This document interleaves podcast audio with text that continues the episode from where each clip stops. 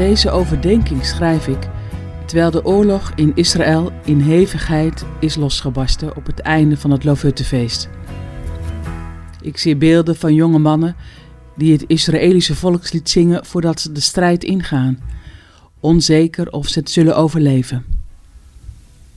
Ik zie vrouwen en kinderen die wonen in de Gazastrook en wegvluchten voor de afsluiting van gas en elektra, wegvluchten voor de militaire tegenaanval van de Israëliërs.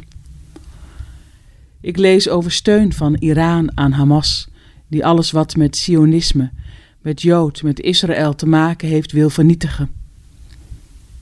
Het is verschrikkelijk en ingewikkeld.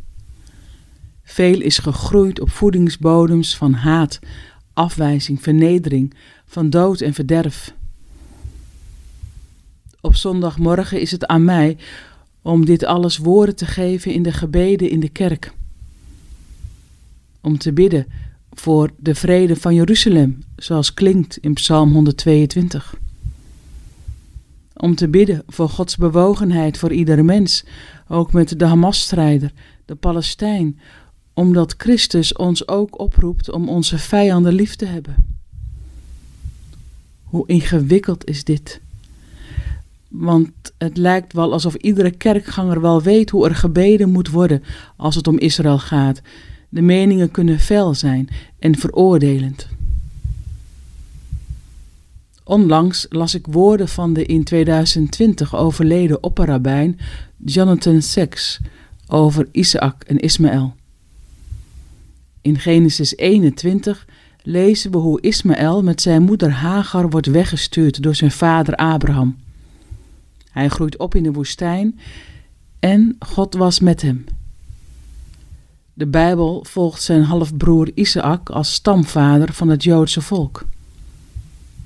Totdat Abraham sterft, waarop we in Genesis 25 lezen hoe Isaac en Ismaël samen hun vader begraven.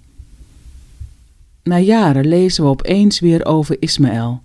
Ismaël die gezien wordt als stamvader van de moslims. Opperrabijn Seks vertelt hoe wijzen en rabbijnen in dit verhaal aanwijzingen zagen en zien voor een verzoening tussen Isaac en Ismaël. Er was conflict, er was scheiding, maar die vormde niet het einde, maar het begin. Er is vriendschap en wederzijds respect mogelijk. Abraham werd door beide zonen begraven. De opperrabijn ziet in dit verhaal uit het verleden hoop voor de toekomst. Als christen mag ik daaraan toevoegen dat in Jezus Christus die hoop zeker waarheid is geworden. In deze dagen van gebed voor de volkeren mag, moet ook dit klinken. Geef dat het heil van de Messias door mag breken voor zowel de nakomelingen van Isaac als die van Ismaël. Voor zowel de nakomelingen van alle volken, opdat eens iedere mens de vrede in Jezus Christus mag ervaren en ontvangen.